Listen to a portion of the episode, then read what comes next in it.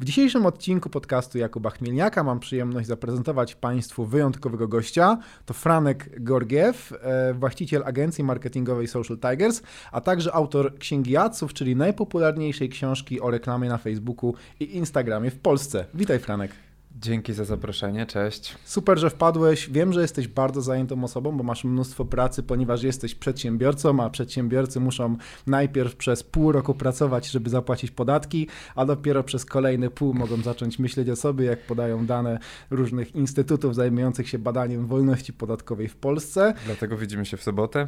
Dlatego widzimy się w sobotę, dokładnie. To nie jest tak, że możemy sobie zrobić wolno od pracy. Ja w końcu też pracuję e, i to właśnie ten dodatkowy czas na tego typu e, przedsięwzięcia musimy sobie wygospodarować jakby po godzinach, czyli robimy to dla przyjemności i hobbystycznie, żeby e, zainspirować innych do działania. Natomiast Franek, powiedz mi, twoja agencja ma już ile lat i ile osób w tym momencie zatrudniasz? My w tej chwili jesteśmy, może podsumowując 2019 rok, bo teraz to bardzo się rozwija, o czym pewnie będzie okazja wspomnieć, ale w 2019 roku mieliśmy bez budżetów klientów 4 miliony netto przychodu, ponad pół bańki dochodu, E, zatrudnionych jest bodajże 16 Jaki ty jesteś osób. otwarty. Nie, nie, to nie, nie, każdy jest taki otwarty. W wiesz, Polsce nie mamy takiej kultury otwartości mówienia o przychodach. Wiesz co, ja, ja jestem z tej amerykańskiej kultury. Dla mnie nie wiem, jak można mówić o biznesie i nie mówić o pieniądzach. Zresztą to jest dla większości osób miara wielkości firmy, tak? W sensie, e, czy, czy ta firma jakby dobrze prosperuje, czy źle. Można sobie z tego policzyć marżę łatwo procentową, jaką kto chce, więc jakby może się zastanowić. Mówię też o tym dlatego, że ostatnio miałem okazję, mm, może tak nie, już, już od razu przychodzę do jakiejś gadki, ale naprawdę ostatnio mnie uderzyła jedna rzecz, że miałem ten taki to się nazywa ten syndrom oszusta, że się tak mm -hmm. zastanawiałem, czy na pewno my zrobiliśmy coś fajnego, czy na ja pewno, to mam wiesz, do teraz. To... No właśnie. I powiem ci, że. Czy ja na pewno posiadam te kompetencje, czy po prostu nie jest to, jak czasem na innych patrzę i widzę na przykład, że oni mieli dużo szczęścia. Czy ja też nie widzę po sobie tego, że ja miałem po prostu jakąś furę szczęścia i że poskładały się po prostu koniunkcja gwiazd i planet, że, że wszystko to się nie rozpadło jak dotąd. Dokładnie tak. I właśnie ostatni, ostatnio miałem okazję porównać siebie na twardych liczbach z paroma firmami, dlatego te liczby miałem takie top of mind teraz. No i te liczby są dobre, że jak na wyspecjalizowaną agencję, bo dopiero teraz się dywersyfikujemy o nowe kompetencje, jak na specjalistyczną agencję, która dotychczas się zajmowała głównie przede wszystkim reklamą w social media, to te cztery bańki przechodu bez budżetów netto z, takim, z taką marżowością w biznesie opartym na ludziach tak, no bo jest ty naprawdę spoko. Ty sprzedajesz usługi, czyli ty tak, tak, naprawdę sprzedajesz pracę innych ludzi i żeby zwiększać, skalować swój biznes, ty musisz zatrudniać kolejne osoby. Ty akurat, twoja agencja jest w Warszawie i teoretycznie każdy by powiedział, że no Warszawa, dwa miliony ludzi, tutaj super, kompetencje można zgarniać z rynku pracy i w ogóle to jest raj na ziemi, ale obaj dobrze wiemy, że to nie jest żaden raj na ziemi, bo też mam innych kolegów w agencjach marketingowych, którzy mówią to samo, że znaleźć e, kogoś, kto będzie z jednej strony kompetentny, z drugiej pracowity, a z trzeciej strony za trzy miesiące nie pójdzie gdzieś do e, szwajcarskiego korpo pracować za trzy razy tyle, no to wcale nie jest łatwo, nie? No nie jest, nie jest, ale właśnie dlatego w tych naszych działaniach e, często z zewnątrz jesteśmy określani, że jesteśmy sektą. Prawdopodobnie ludzie, którzy pracują w nudnych pracach, tak określają To dlatego chodzisz w golfie, tak? Silną... To tak wypada. Nie, tak w filmie tak oceniają oceniają ludzie firmy z silną kulturą organizacyjną, gdzie ludzie się, wydaje mi dosyć mocno identyfikują z firmą, są zaangażowani, więc jakby z tego względu z zewnątrz to może tak wyglądać, ale dzięki temu te problemy z zatrudnieniem nie są tak silne. My mamy jakby ławkę rezerwowych, którzy chcą do nas dołączyć który, i jakby czekają na sygnał, może coś się u nich zmieni, ale to wiesz. widzisz, że te osoby, jeżeli jest, ja bym się zgodził z tym jakby intuicyjnie, że twoja firma jest taka trochę, może nie tyle wodzowska, ile ty jesteś liderem, taką wyrazistą postacią Social Tigers, mhm. że każdy kojarzy tę firmę z tobą, każdy kojarzy twoją księgę adsów. Ja sam korzystam z księgi adsów, czy mój kierownik działu reklamy, żeby wdrażać nowe osoby, więc to jest na pewno jakby cenna, merytoryczna rzecz i ty tę wiedzę oferując, e, później możesz zapraszać oczywiście swoich klientów, którzy jednak zdecydują, że chcieliby te usługi outsourcować do kogoś kompetentnego. Natomiast czy ty to czujesz, że to jest trochę tak, że te osoby chcą pracować z tobą, które chcą dołączyć do firmy, czy one chcą pracować w Social Tigers jakby jako osobnym, z osobnym bytem? Ja myślę, że jest trochę taka, mm, że chcą pracować Social Tigers zdecydowanie, że jakby wiele osób e, kojarzy też markę, a nie kojarzy mnie, co jest jakby dla mnie też... E, nie wierzę. Powiem, nie, naprawdę, w sensie, wiesz, ty, ty z perspektywy, perspektywy przedsiębiorcy patrzysz na to, że jak kto tam to prowadzi pewnie, nie? Ale tak z perspektywy widzów, że tak powiem, u nas osiem osób w tej chwili szkoli, występuje na konferencjach, tacy okay, wiesz, tego typu super, osoby. To super. Więc jakby wiesz, z perspektywy branży marketingowej część osób wchodzi przez, nie wiem, szkolenia, które u nas prowadzi jedna Dorota na przykład z Instagrama, Albert z e-commerce'u, jakieś wystąpienia na konferencjach, więc tych dróg, w jakich punktów styku z marką jest po prostu bardzo dużo i wiele z nich w ogóle nie zawiera kontaktu ze mną. Ale jeszcze odpowiadając na to pytanie, czy, czy ludzie przychodzą pracować ze mną, czy nie, rzeczywiście tworzy to pewną taką, taki dystans, że, że, że jest zbudowany jakiś taki mit założycielski i ludzie nawet wewnątrz firmy często widzą taką barierę, że jest za duży dystans, ludzie nie, nie kumają tego, że ja jednak jestem blisko i to, e, to, to powoduje jakieś takie, mm, jakby to powiedzieć, E, nie powiem, że wstyd ze zwróceniem się czy coś takiego, ale tworzy jakiś taki, ja, ja czuję, że, że, że za bardzo jestem stawiany na jakimś takim mhm, piedestale. Zbyt duża jest bariera, tak, to tak, jest mniej tak, więcej to... to samo, o czym mówią wszystkie znane osoby, czy osoby, które mają w swoim e, social circle e, osoby, które uchodzą za znane, czyli że chwileczkę, to są tacy sami ludzie. No, dokładnie. I śmieszne jest to, co mówisz, że to widać już na poziomie przedsiębiorcy. My bądź co bądź jesteśmy dość anonimowymi postaciami, zarówno ty, jak i ja. Nie da się nas porównać do jakiegoś e, słynnego youtubera. Mamy tam po kilka, kilkanaście tysięcy na Instagramie. Sporo ludzi o nas słyszało ze względu na nasze firmy, no ale przecież jesteśmy, jesteśmy po prostu tymi samymi ciężko pracującymi Polakami, którzy mają do zapłacenia ZUSy, PITy, WATy i, e, i tak dalej, nie? No, no właśnie. I powiem ci, że nie wiem, jak ty się z tym e, mierzysz, ale finalnie gdzieś, nie chcę teraz wjeżdżać jakoś tak zamrocznie, bo oczywiście prowadzenie firmy, firmy wiąże się z wieloma wspaniałymi rzeczami, ale też na tym, jak jesteś na tym szczycie, jeszcze jesteś sam, bez wspólników i tak dalej, no to robi się w pewnym momencie dość samotnie, że jakby przychodzisz do zespołu, zespół jakby, no okej, okay, szanuje cię, lubi i tak dalej, ale jednak mimo tego, że ty ich traktujesz na równym poziomie, to oni sami jakby zakładają, no jest jakiś taki, buduje się taki delikatny e, dystans e, i... To są różne kultury, bo w niektórych firmach, przy czym widziałem to na przykład bardzo mocno, jak mieszkałem przez rok w Malezji i tam w Kuala Lumpur moi kumple mieli firmę odzieżową mhm. i tam jakby relacja ich do siebie była na przykład zupełnie inna niż cokolwiek, co bym widział w Polsce, bo oni zawsze jedli razem obiad, mhm. bo oni właśnie chodzili na imprezy. Mimo, że to była kilkunastoosobowa firma, to tamte relacje były bardzo koleżeńskie, a jednocześnie to nie działało. Wydaje mi się, że w Polsce jakby tutaj faktycznie mamy o wiele bardziej przyjęty taki model autorytarny jeszcze z lat 90. wyniesiony, że ten szef to jest ten szef, jest jeden szef przez duże S i jego się należy słuchać i on będzie grafikowi poprawiał kreację, bo on wie lepiej od grafika. E, ale poza tym e, to gdzieś tam ten dystans się skraca. Ja staram się na przykład bardzo dużo, i to brzmi, że ty też dla mnie, że ja się staram bardzo dużo zaufania oddawać kolejnym członkom mojej organizacji na tych niższych szczeblach, bo oni muszą brać na siebie tę odpowiedzialność. Ani Jakub Chmielniak, ani Franek Gorgiew nie mogą brać całej odpowiedzialności na siebie, bo by przecież tego wszystkiego nie udźwignęli. Mają tylko jedną głowę i 24 godziny, nie? I też muszą, muszą spać. Tak, u, u nas też jest to tak zorganizowane, docelowo teoretycznie znowu doszedłem do miejsca, gdzie mógłbym teoretycznie w firmie no, nic nie robić poza pilnowaniem strategii i to by wszystko jakby, no, jakby takimi dużymi decyzjami i te osoby w pełni odpowiedzialnie, w pełni skutecznie jakby zajmują się poszczególnymi obszarami. No finalnie jeszcze jest potrzebny ktoś, kto z lotu ptaka łączy te rzeczy. Ja nie powiem, że nie robię jakichś operacyjnych rzeczy, bo czasem jak czuję, że warto na wszelki wypadek, to włączę się a to w mhm. sprzedaż, a to w szkolenia, ale nie na zasadzie, że wchodzę komuś do pipe drive'a i mówię, wiesz co, tutaj napisz to, mhm. tutaj ja to przejmę, bo to ważne, czy coś, to, czegoś takiego chyba nigdy nie robiłem, tylko raczej na zasadzie, ok, a może, nie wiem, w jakiś nowy, oryginalny sposób spróbuję jakby sprzedać nasze usługi, bo wiem, że zaraz przychodzą do nas nowe osoby, dobrze miały co robić, więc po ich okresie onboardingu dobrze było mieć już zaklepane jakieś, jakieś rzeczy do robienia, więc jakby w takich momentach staram się włączać, pomagać tej organizacji rosnąć, bo jednak wyłamanie się z tego etapu mm, kilkunastu osób w firmie, nawet jeżeli nasza firma podwaja się od, co roku od dwóch, trzech lat, no to my wciąż jesteśmy na tym samym stanie osobowym, bo te osoby zarabiają więcej, robią większe rzeczy, więc jakby ona rośnie przychodowo, dochodowo, ale nie do końca rośnie, jeśli chodzi o ten headcount, bo to jest bardzo trudne. No i teraz jesteśmy na tym etapie, gdzie już więcej tym zespołem nie zrobimy, już się po prostu nie da.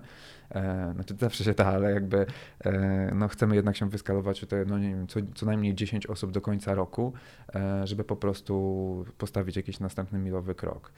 E, no i tutaj będę temu dopomagać tak troszeczkę z no, no to świetnie, ale właśnie idąc dalej tym tropem, to powiedz mi, bo ja na przykład moją taką pierwszą ambicją, kiedy ja już po roku miałem tę ambicję, kiedy rozkręcałem firmę, i ona już po roku akurat w moim przypadku miała, miała 50 osób, tylko dlatego, że to była firma produkcyjna, więc dużo z tych osób to były po prostu magazyn, produkcja, nie? Nie samo mhm. biuro, więc to jest troszeczkę inna sytuacja.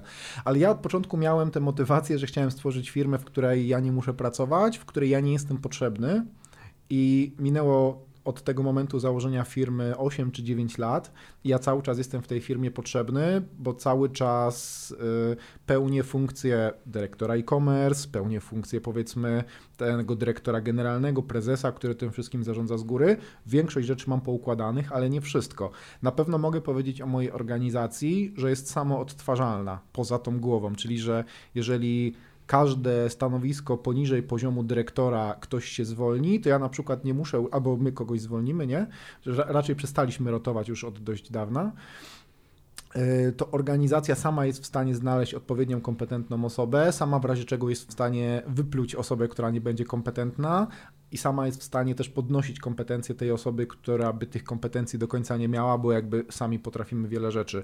A na jakim ty jesteś etapie w tym względzie? Jak ty widzisz mhm. ten rozwój struktury zarządzania i gdzie ty jesteś, uważasz, że jesteś niezbędny, e, gdzie ty w tym momencie cały czas coś wykonujesz, ale gdzie chciałbyś siebie zastąpić właśnie w perspektywie roku, dwóch lat i czy w ogóle chcesz siebie zastąpić? Mhm. Znaczy ambicje mam takie, żeby móc być w ogóle pełna zastępowalność na każdym stanowisku, to jest jakby wspaniała rzecz i troszeczkę naciągana, ale ona jest. W sensie nie ma dzisiaj osoby niezastąpionej w firmie.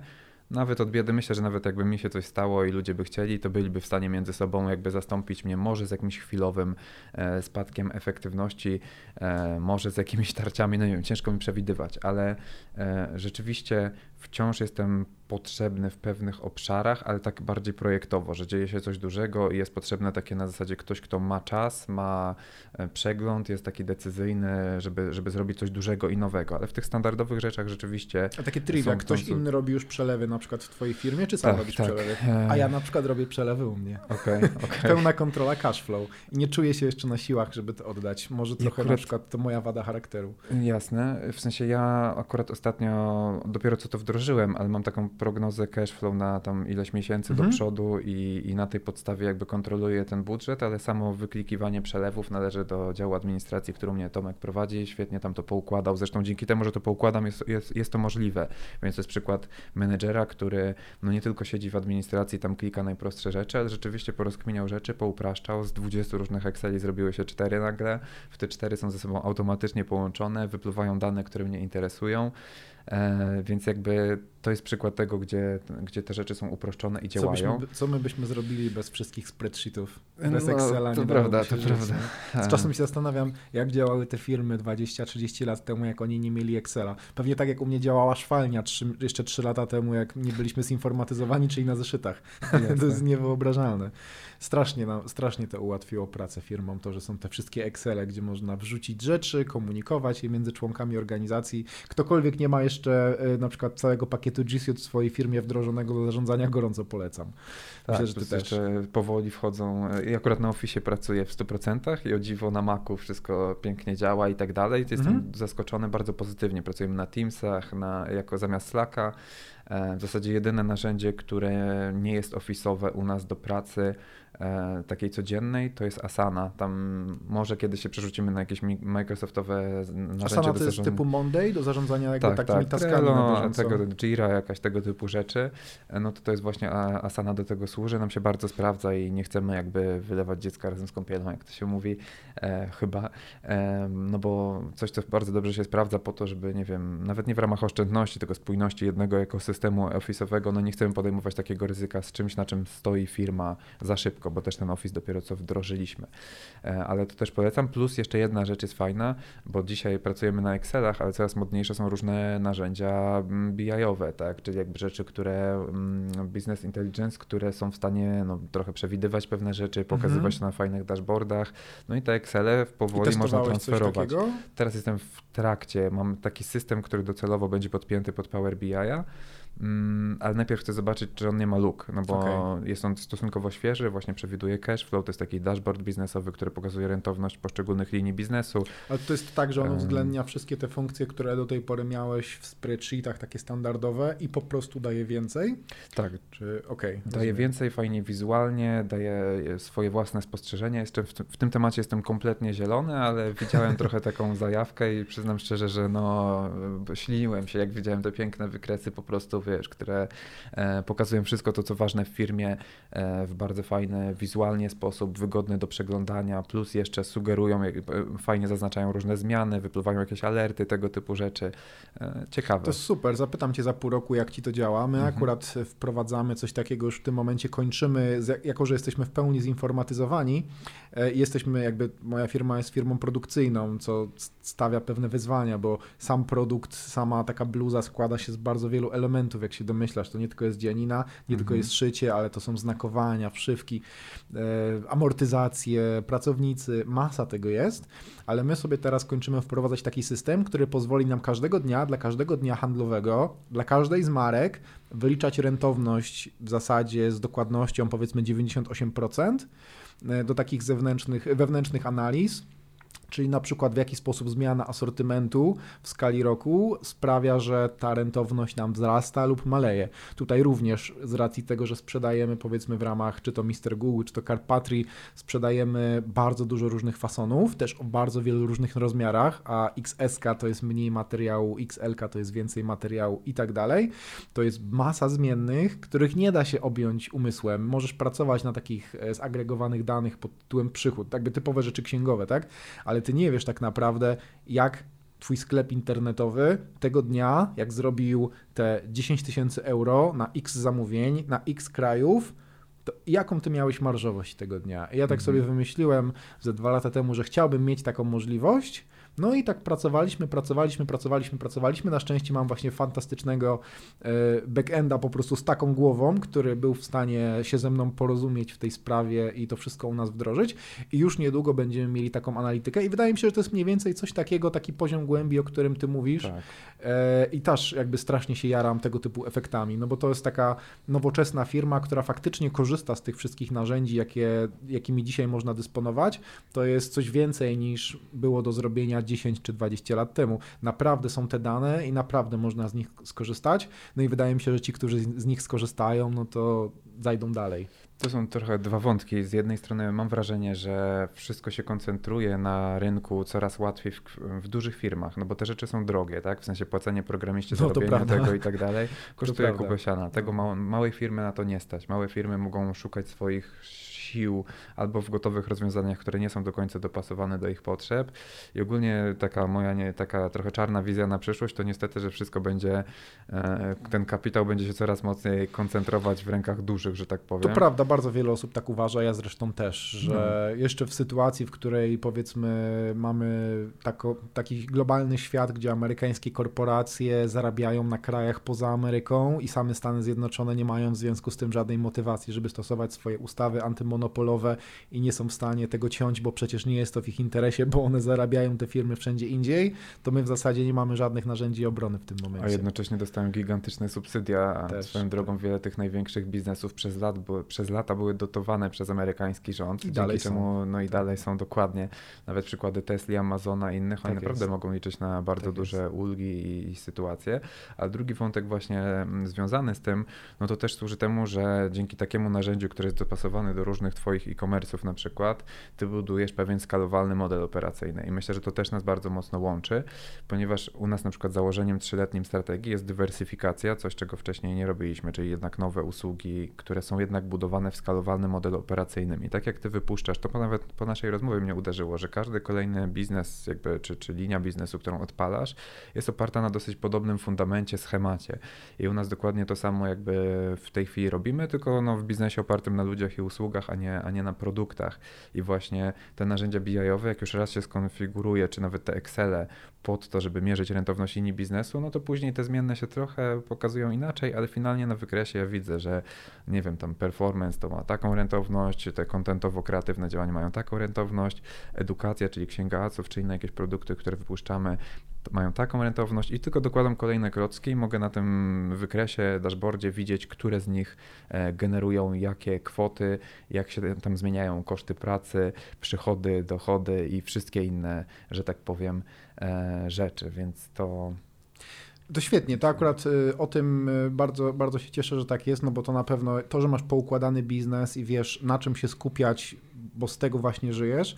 Ja ci powiem szczerze, że mi to, mi to zajęło, pamiętam tak jakby z przeszłości parę lat, żeby odkryć, że właśnie te produkty to są te produkty najbardziej dla mnie rentowne. Na przykład było dla mnie odkryciem dopiero po pewnym czasie, dlaczego ja mam w lecie nieco gorsz, gorszą rentowność, bo w lecie się nie sprzedają bluzy, a bluzy są najdroższe, na bluzach jest największa marża i nagle voilà, y, odpowiedź y, przez dwa czy trzy lata był pewien problem i dopiero, Potem można dzięki temu wdrożyć działania operacyjne, które zmierzają do tego, żeby się obronić przed tym zjawiskiem. To też nie jest coś, co jesteś w stanie zrobić od razu, ale przynajmniej wiesz czego szukać. I tak samo dla ciebie, gdybyś ty, nie wiem, ty się możesz jarać na przykład jakąś odnogą biznesu, ale ona jest najmniej rentowna. Mhm. Jeżeli ty będziesz rozwijał tę odnogę biznesu, a zaniedbasz tę, która jest najbardziej rentowna, no to niby robisz coś, co sprawia ci przyjemność, powiedzmy, albo z jakiegoś innego powodu, bo nie wiem, ktoś ci coś podpowiedział źle, i nagle się okazuje, że, że gdzieś zabrnąłeś w ślepą uliczkę, a powinieneś był robić coś innego, a tam już wszedł konkurent i tak. prawda, causa finita,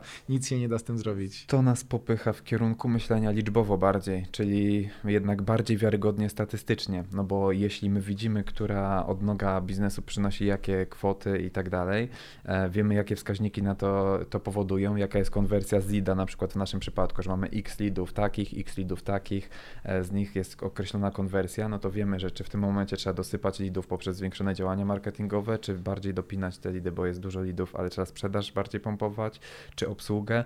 To są takie jakby, mając wszystkie elementy tego równania, też można ludzi kierować w kierunku myślenia liczbowego. U was to pewnie są bardziej jakieś roasy, czy tego typu tak, rzeczy. Dokładnie, dokładnie. No, a na przykład u nas każdy w firmie ma swoją kluczową liczbę, która wie, że przykłada się do wspólnych celów firmowych, czyli mamy na samej górze mamy cele firmowe wspólne, które są cztery i na te cztery cele składają się poszczególne poszczególne wyniki wszystkich osób w firmie i każdy ma swoją, wiesz, w administracji to jest jakiś cash flow na przykład, że ktoś pilnuje windykacji i tak dalej. W marketingu to jest generowanie leadów, w sprzedaży domykanie tej sprzedaży, e, czy wartość abonamentowych kontraktów, które mhm. podpisujemy. Retencja wysoka klientów to jest to, co w te osoby, które pracują z klientami charakteryzuje. Więc jakby dzięki temu każdy wie, czy mu dobrze idzie, każdy wie, co może zrobić, żeby w firmie było lepiej i to daje dużą jasność. A tak y, patrząc na same lidy, jakbyś miał mniej więcej posegregować te źródła, z których pozyskujecie ich najwięcej, to pewnie będzie e, Pewnie to będzie księgaców, pewnie to będą konferencje, pewnie to będą szkolenia, pewnie to będzie SEO, pewnie to będzie jakiegoś rodzaju reklama, ale co z tego jest jakby najważniejsze dla Was, a co najmniej ważne? Powiem Ci tak, najbardziej zaskakujące jest to, że nie, nie wymieniłeś jednej, wszystkie wymieniłeś jakby poprawnie, nawet w, w zbliżonej e, e, w, kolejności, ale jeden główny to tak gdzieś tam się przewija między tym, ale u nas najbardziej konwertuje po prostu taki klasyczny inbound marketing, czyli marketing, w którym nie naganiamy w ogóle, w ogóle nie mówimy na zasadzie nawet prawie jakbyśmy ukrywali, że jesteśmy agencją. Tylko ludzie mówią social tigers to, tamto, siamto, Czyli pomogli. jednak z polecenia. Czy, czy bardziej SEO, czy bardziej z polecenia? Nie, nie SEO. SEO dopiero wchodzimy mocniej. W sensie mamy bardzo dużo kontentu, który dostosowujemy, tam optymalizujemy, ale bardzo małymi krokami, bo uwaga jest gdzieś indziej. Ale nie ja sprawdzasz, jak tam wiesz, agencja social media, agencja Trochę reklamowa, sprawdzam, Warszawa, coś tamtego. Ale to bardziej, bardziej ten rok będzie dopiero, kiedy to naprawdę zacznie mieć znaczenie i też lidy SEO póki co raczej są takie na zasadzie, wiesz, ludzie często piszą do nas jak do pomocy Facebooka, no bo jesteśmy wysoko w Google, jak się wpisuje cokolwiek związanego z Facebookiem, więc ludzie piszą, nie działa mi tam, wiesz, mikrofalówka połączona z Facebookiem, co zrobić, tak? No w sensie, czy coś w tym stylu, no takie absurdalne jakieś pytania, e, ale u nas najbardziej konwertuje po prostu dzielenie się wiedzą, emitowanie to do grup odbiorców, nawet nie zawsze stricte dyrektorów marketingu, marketing managerów, przedsiębiorców, tylko po prostu nagle się okazuje, że pomogliśmy tylu setkom, tysiącom ludzi, bo dosłownie ja sam w komentarzach na grupach przez ostatnie 5 lat pomogłem rozwiązać problemy pewnie iluś tysiącom osób, plus widzom całej tej sytuacji. No to mówimy o kilkudziesięciu tysiącach osób, które to widziały. Teraz tak, robi to kilkanaście osób u mnie w firmie. Robimy to naszym kontentem, który jest publikowany na Facebooku, LinkedInie, no Instagramie mniej, bo to bardziej przedstawia życie firmy, na blogu firmowym, e, w księdze Adsów, która przecież pierwsza była bezpłatna, druga była za jakieś grosze, no trzecia jest już troszeczkę droższa, ale jakby no ile można, jakby, że tak powiem.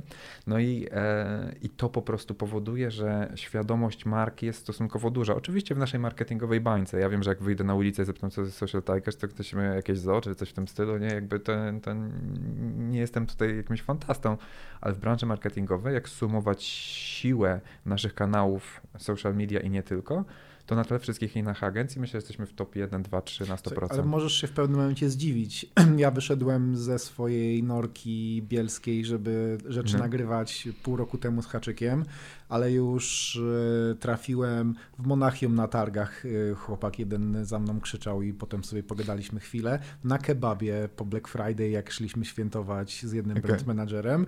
Słuchaj, na komisariacie policji, jak, jak zgłaszałem e, małe tam, małą szkodę w firmie i nawet u lekarza się zdarzyło, jak byłem u okulisty i każdy gdzieś tam, to prawda, to akurat jest głównie pokłosie filmu Filipa, u Filipa Nowobilskiego mm. Duży w Maluchu, bo tam miał bardzo dużo odsłon, ale możesz być zaskoczony, jak wiele osób cię w pewnym momencie będzie kojarzyć albo ciebie, albo twoją firmę. Natomiast wychodzi na to, że po prostu macie świetną strategię social mediową i to jest odpowiedź, której, to jest ten element, którego zabrakło. Okazuje się, że agencja, która zajmuje się internetem jest dobra w internecie. Wow, cóż za zaskoczenie. Jako jedna z nie? niewielu, powiem ci, że bo czasem ludzie, ostatnio byłem, swoją drogą jedna tylko e, e, wrócę jeszcze do tej, do tej rozpoznawalności, bo ostatnio historia mnie rozłożyła na łopatki.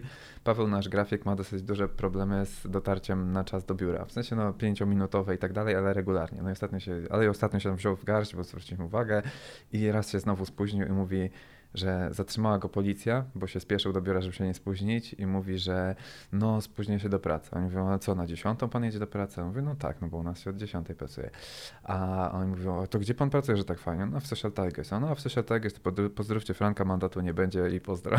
Naprawdę? I wyjechał, no, no, no, więc to Ciekawe, bardzo, bardzo może, może jego żona sprzedaje jakieś, wiesz, ciuchy dla dzieci w internecie i mu powiedziała, że to, gdzieś tam Ale to jest dokładnie ten case. To, Trafiłeś prosto w to, że żona śledzi dokładnie to, nie? Że jakby żona coś robi związane związanego z marketingiem i jakoś tam, wiesz, mówi o tym i tak dalej. No ten świat wcale nie jest aż taki duży. E, a to, o czym mówisz, jest bardzo ciekawe, bo też potwierdza to, o czym rozmawiałem wczoraj z, z Marcinem Osmanem, właśnie, e, że im więcej tych treści dajesz ludziom za darmo, im więcej im pomagasz, dzielisz się z nimi, nie ma szans, żeby to do ciebie, jeżeli masz jakiś biznes, a nie robisz tego wyłącznie hobbystycznie, to nie ma szans, żeby to do ciebie jakoś nie wróciło. U ciebie to wraca w klientach, do niego to wraca w szkoleniach, w czytelnikach, do mnie to wraca też w klientach moich marek, ale tak samo w dobrych radach, w różnych y, biznesowych możliwościach, które się pojawiają. E, I tak naprawdę z kim bym nie rozmawiał, to wszyscy podkreślają to samo, że warto wyjść z cienia, niekoniecznie mocno haslować, ale jednak, y, jednak trochę pomóc innym, podzielić się tą wiedzą i że efekty tego są, są y, jakby biznesowo przeliczalne, że robi się coś dobrego, a przy okazji się na tym korzysta. Ale tu powiem Ci jedną rzecz, która ostatnio mnie uderzyła, która z jednej strony zgoda, z drugiej jedna gwiazdka, że tak powiem. My de facto rzeczywiście wypłynęliśmy na tym, że wszyscy mówili, że content jest królem na każdej konferencji, aż jak to słyszałem, to wiesz, po prostu wyżyk, nie? W sensie na zasadzie każda konferencja ta sama gadka, tylko żadna agencja tego nie robiła. W sensie poza Social Media Now z Krakowa, która jako firma szkoleniowa dużo takich rzeczy e, publikowało i tak dalej, no to tak naprawdę nie mieliśmy żadnej konkurencji, a też te social media no trochę celują w innych to jest inny model biznesowy, wszystko jest inne, więc jakby my się dobrze znamy, lubimy i jakby nie ma tam żadnego z tym problemu. Wszystkie inne agencje, nawet największe, z gigantycznymi budżetami, żałowały, że tam chociaż 500 zł z tego Facebooka. Hmm. E, no i to jakby, wiesz, no jakby promuje, że coś jest zarąbiste, a nie korzystasz temu samemu, to rodzi jakiś gigantyczny dysonans. A u nas de facto mm, byliśmy jednymi z pierwszych, którzy zrobili coś tak oczywistego, że aż mi wstyd jest o tym mówić, że inni tego nie robili. I teraz niestety po latach ludzie się obudzili i dużo firm zaczęło to robić. I moim zdaniem, jeśli ktoś szuka dzisiaj mm, w takim marketingu mm, pozyskiwania klientów i myśli o jakiejś większej skali, bo jako freelancer oczywiście można pomagać ludziom na grupach i pozyskiwać w ten sposób polecenia klientów. My mamy parę takich osób nawet na naszych grupach, tam te grysy socialu na przykład, no to tam są osoby, które mocno się wyróżniają i wiem, że nawet sami im podrzucamy jakieś konsultacje, których my nie robimy, bo jakby tego typu rzeczy, bo po prostu wiemy, że można im zaufać po ich wypowiedziach, a są bardzo aktywni. Ale jeżeli już mówimy o firmach, znam sporo agencji, które się zwinęło, bo próbowało to zrobić to, co my, tylko 5 lat za późno i za słabo.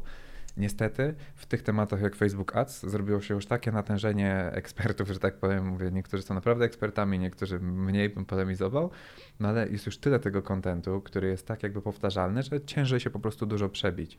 Więc ta rada jest szczególnie dobra, jeśli znajdą ludzie sobie jakąś nową, niewyeksploatowaną niszę, albo jakiś temat zrobią trzy razy lepiej, czy dwa razy lepiej niż jakby poprzednicy, czy nawet niech sobie wezmą jakąś wąską niszę i opiszą to super, żeby to się rozeszło, bo powtarzanie tych samych rad przez wszystkich w kółko, no po prostu nie robi na nikim już wrażenia, mam wrażenie.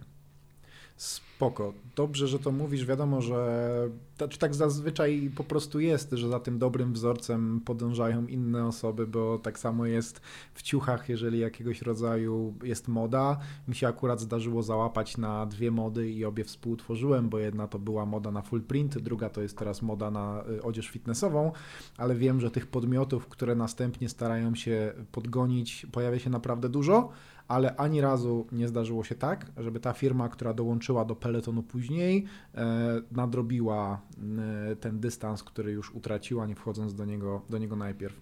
A powiedz mi, e, Franek, jaka była pierwsza osoba, którą zatrudniłeś? Jakie stanowisko? Czyli jakby które kompetencje własne starałeś się przekazać nowej osobie najpierw? I czy to był dobry wybór? Jasne. Powiem Ci tak, ja bym to podzielił na dwie rzeczy to jak zaczynałem, ja jak zaczynałem firmę, to zaczynałem z musu, w sensie podpisałem kontrakt z UFC, musiałem wystawić fakturę, nie doczytałem. Kontrakt był po angielsku, tam gdzieś było invoice, UFC w sensie... Tak, sporty walki. Tam jeździłem po galach i, mm, i, i, tak jakby byłem takim digital content producerem w takim digital teamie siedmioosobowym. Pierwszy raz zobaczyłem, jak się robi social media na dużą skalę, gdzie jeden A, czyli po prostu cię wyoutsourcowali i byłeś na B2B. Tak, byłem takim e, tanim podwykonawcą z Polski, można powiedzieć, no ale piękna przygoda, fajnie uczestniczyłem w promocji, zobaczyłem organizację, która stoi social mediami na amerykańską, wiesz, jeden z największych profili social media na świecie, wtedy no, niesamowite doświadczenie, mimo tego, że robiłem tam bardzo proste rzeczy i nie będę tutaj ściemniać, że tak powiem, e, typu tłumaczenia kontentu na polski, jakieś wideoblogi z polskimi zawodnikami i tego typu rzeczy. E, ale to była ciekawa przygoda i zmusiła mnie do wystawienia faktury. E, no to jak wystawiłem fakturę, no to jakby musiałem założyć działalność. Mm, działalność nazwałem Social Tigers, miałem takie leginsy na siłownię w Tygrysy, więc jakby wiesz, jakby to, to nie był jakiś super plan. Uczyłem się, co to jest podatek VAT. W czym wystawiłeś fakturę? Bo ja pamiętam, że pierwsze faktury wystawiałem normalnie w Wordzie. E, nie, to był jakiś Excel, tak, to był no, jakiś coś w tym stylu. E, tak, myślę, że pytasz o walutę i tego nie pamiętałem. ja zapomniałem, że wystawiałem arkuszy, w, ten faktury faktury w Wordzie, dopóki później mój, mój, mój przyjaciel Łukasz, który też otworzył, otworzył w końcu kancelarię prawną po aplikacji, pierwsza faktura, którą od niego dostałem, też była w Wordzie. Okay, pomyślałem, okay. ja też kiedyś zaczynałem i też kiedyś wystawiałem tę fakturę w Wordzie. No mo można i tak, tak się, tak wszystko się jakoś zaczyna. Ja wtedy nie rozróżniałem podatku, wiesz, co to jest podatek VAT, czemu ktoś Jezu, nie płaci więcej. VAT jest mega nieintuicyjny, to bardzo mało osób rozumie podatek VAT. Jakbyś zapytał, zrobił ankietę na ulicy, czy płacicie podatek VAT, to większość osób pewnie by powiedziała, że nie płaci podatkowania. No, jasne, tak, bardzo I, I ten, no mnóstwo jest takich rzeczy zramowanych tak, żebyśmy nie widzieli, że jesteśmy dosyć mocno obciążeni na różnych, e, w, w, różnych obszarach życia. No ale ja wtedy, jak odchodziłem z firmy, miałem już paru klientów na freelance, których zresztą uczciwie robiłem w tamtej agencji. Mówię, przeprowadzam wam klienta, oni chcą pracować ze mną, oddam wam połowę kasy, chciałbym to robić w godzinach pracy. Mówię, spoko, spoko, no ale w pewnym momencie się to u tych klientów zrobiło, że mówię, kurde, tam wcale tak tej pracy fajnie nie było, były ciągle jakieś toksyczne spięcia i tak dalej, więc mówię, dobra, idę na Biurka swoje. mi nie chcą kupić, muszę robić na podłodze. Bardziej kwestie personalne, ludzkie, nie? W sensie tam social media były tylko Atmosfera, dodatkiem co? do PR-u, zdecydowanie. No już nie chcę się pastwić i tak dalej, bo już to robiłem lata temu e, jako młody gniewny. Ale to takie było typowe warszawskie naprawdę- korpo? Coś na tej zasadzie? Nie, nie, coś gorzej, innego. gorzej. Gorzej. Gorzej, Okej. powiem ci tam różne rzeczy, tam ludzie tak trzaskali drzwiami, że szyby wybijały, wy- to Ja, wybijało. ja, ja trochę żałuję, ja nigdy nie...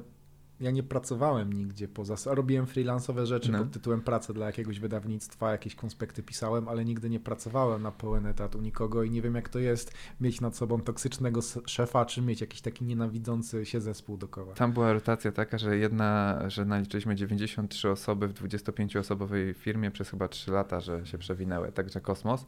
No ale mniejsza o to, jakby i tak zawdzięczam tej firmie dużo. Uroczą osobowość. Nie będę, to cały szereg osobowości, ale mniejsza. No w każdym razie Um, w końcu stamtąd rzeczywiście odszedłem trochę tak z musu, naprawdę. W sensie ja nie miałem takiego drive'u, że muszę koniecznie mieć firmę. Ja chciałem budować dział social media, którego chciałem być liderem. Dla mnie pozycja dyrektora byłaby w pełni satysfakcjonująca. Świat cię wezwał, żebyś został tym super bohaterem tak. i pomógł ludziom w rozwijaniu Wszystko mi tak jakby zmuszało mnie do tego. To była jedyna praca, bo wcześniej też jakieś freelansowe raczej rzeczy dziennikarskie też robiłem. E, No i na tym pierwszym etapie ja po prostu wziąłem dwóch kolegów, jednego z tamtej firmy, z którym pracowałem i fajnie się działało, pracowało, a drugiego z zupełnie innej branży, z bardzo takim fajnym potencjałem, to Maciek i Andrzej, z którymi pracowałem i pracowaliśmy dosyć długo, tak, bo z Maćkiem 3 lata, z Andrzejem z półtora roku e, i oni naprawdę fajni, tylko tam każdy był od wszystkiego. To był taki etap, że stworzymy sobie radosną ferajnę i po prostu, wiesz, próbujemy wszyscy sprzedawać, wszyscy obsługiwać klientów, jakieś wynagrodzenia prowizyjne, tak bardzo taka, trochę taka komuna, że tak powiem. A jeśli chodzi o taki projekt rzeczywiście profesjonalny, już kiedy było nas paręnaście osób i zacząłem myśleć o delegowaniu w pełni kompetencji, to chyba pierwszą osobę delegowałem do marketingu naszego, bo to było duże, ja to umiałem robić i lubiłem i paradoksalnie zacząłem od tych rzeczy, do które myśmy... czyli? Czy marketingu agencji. Do marketingu agencji. Tak, okej. mamy osobny dział od Ale marketingu to od razu agencji. było i to, o czym mówiłeś, czyli to od razu było to pomaganie ludziom w internecie, rozwiązywanie To było od problemów, samego początku. prowadzenie social mediów, ale takie bardzo interakcyjne, czy... Ja rob- wciąż robiłem to interakcyjnie, e, ale potrzebna była osoba, która zadba o kalendarz publikacji, przemyślenie tych tematów, spójność ze strategią i publikowanie tego. E, Okej. Na tym stanowisku mieliśmy dwie osoby, obie sprawdzały się nieźle, chociaż tutaj Daniel, e, który teraz to robi, jest po prostu turbo wymiataczem w tym Ale obszarze. czemu akurat to stanowisko? Nie lubiłeś tego? Wolałeś się skupić na sprzedaży? Czy tam było najwięcej pracy? Co cię Uwielbiałem zmotywowało? to. Ja niestety, niestety albo stety, zaczynam od delegowania, zaczynałem od delegowania rzeczy, które miałem ogarnięte. Czyli najpierw ja rozumiem, jak to działa, wiem, jak to zrobić, wiem, Tak, jak to delegować i dopiero potem deleguję, więc zacząłem od tego, w czym byłem najlepszy. Totalnie to samo. Jakby Okej.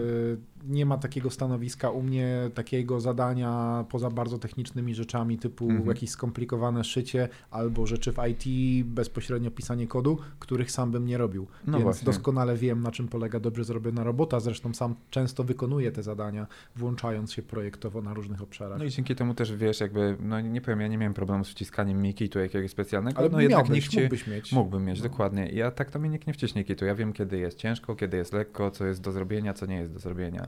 I potem po Jak kolei zero to aż szło... pół, to znaczy, że jest po prostu do dupy robione No, to no, konto no. reklamowe, a nie, że jest jakiś problem. Dokładnie.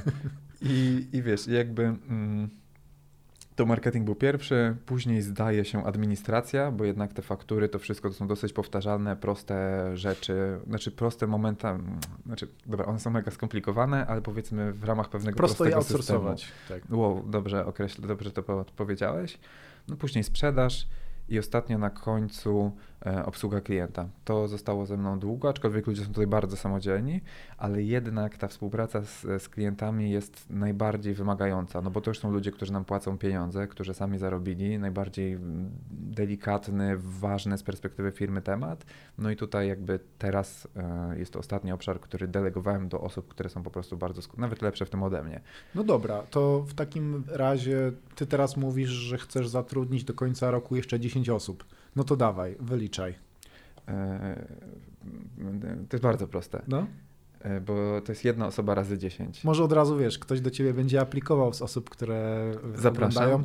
Franek ma fantastyczny system prowizyjny, który umożliwia na zarabianie więcej niż standardowo, bo ty sam sobie wypracowujesz. Dobrze, ja tak pamiętam tak, naszej tak, rozmowy, tak. że ty to jakby masz ten cut od tego, tej ilości pieniędzy, które wypracujesz z jakimś tak, klientem. Tak, u nas ludzie mają dosłownie jakby... 30%, czyli wie, każdy wie, ile klient zarabia, jak jest duża faktura, Super. to dużo zarabiasz. Też, też staram się gdzieś tam te systemy premiowe robić tak, takie, żeby to było zauważalne. No, ale te stanowiska to jest, to? to jest przede wszystkim, ja myślę, że to będzie jedna osoba do sprzedaży na jakimś etapie i dziewięć osób do pracy z klientami, o, bo struktura okay. firmy i to jest Czyli po, etap, powielasz w tym liczę. momencie właśnie te stanowiska, już wiesz, że to działa, wiesz mniej więcej jaki profil jest potrzebny osobowościowy, kompetencji, wiesz jak tę osobę przyuczyć, czy ona się tak. może też uczyć już od osób, które są członkami. Jak najbardziej, od menedżerów. Teraz jakby mm, jesteśmy w trakcie takiego właśnie mówiąc o 2020 roku, podzieliliśmy tę, tę współpracę z klientami na dwa obszary. Kreatywno-kontentowe, gdzie jest y, menedżerka, która naprawdę świetnie to robi, czuje, wygrywała nie jedną statuetkę za jakieś nagrody marketingowe i tak dalej, plus ma bardzo fajne umiejętności menedżerskie, integracja zespołu, no i tam powiedzmy możemy dorekrutować kilka osób fajnych naprawdę od tego typu rzeczy.